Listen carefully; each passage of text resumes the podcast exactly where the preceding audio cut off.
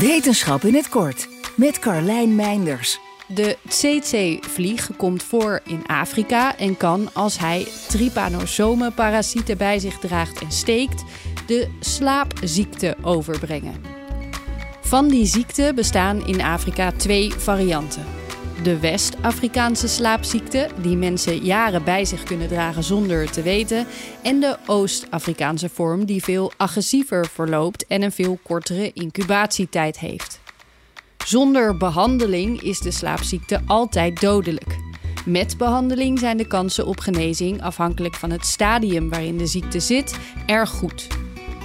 In 2009 zakte het aantal mensen dat na een beet kwam te overlijden voor het eerst onder de 10.000 per jaar. In 2019 waren het er minder dan 1000. Het gaat dus de goede kant op. Maar de WHO wil in 2030 de ziekte helemaal uitgeroeid hebben. En dus is er nog werk te doen. Nou wordt er al lange tijd naar nieuwe manieren gezocht om de tsetse-vlieg aan te pakken.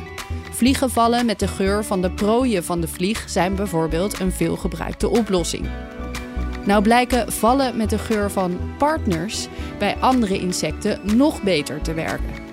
Alleen van de tsetse-vlieg waren deze chemische seksstofjes nog nooit uitgezocht. Tot nu.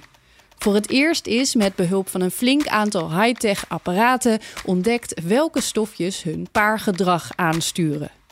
Ook ontdekten de onderzoekers welke neuronen hier weer op reageren in de vlieg. En zagen ze dat bij besmette vrouwtjes de stofjes en hun gedrag verandert. Volgende stap: hun liefdesleven eens even goed tegen ze gebruiken. Is één minuutje wetenschap niet genoeg en wil je elke dag een wetenschapsnieuwtje? Abonneer je dan op Wetenschap vandaag. Ook Liesbeth Staats vind je in de BNR-app. Ja, heel handig. Luister live naar Kees en mij tijdens de Daily Move. Dan blijf je ook gelijk op de hoogte van breaking news en het laatste zakelijke nieuws. En daar vind je ook alle BNR-podcasts, waaronder de Perestrooikast. Download nu de gratis BNR-app en blijf scherp.